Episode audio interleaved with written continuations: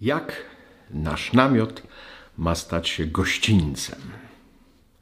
To już ostatnia lekcja słownika Ewagriusza, która jest zawarta w tym liście, który rozważamy.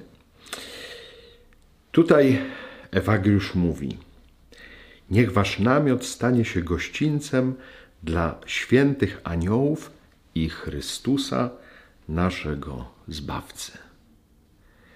Nawiązujemy cały czas do 18 rodzaju księg, ostatniego rozdziału Księgi Rodzaju i tutaj ta gościnność już w pełni rozkwita. To jest też ważne, to jest ten sam list, o którym wcześniej mówiłem, jak słuchaliście w poprzednich tygodniach, kiedy Ewagriusz upomina tych, którzy się zajmują interesami, ale jednocześnie to są ci, którzy najbardziej ze wszystkiego kochają Chrystusa.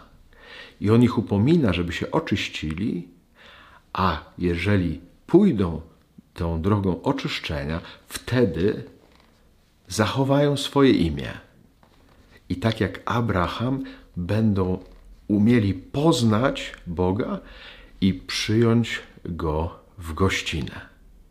Wtedy właśnie ten namiot, w którym jesteśmy, nasze ciało, w naszym ciele, będziemy umieli e, przyjąć, czyli stać się gościńcem dla aniołów i dla samego Chrystusa, naszego Zbawcy.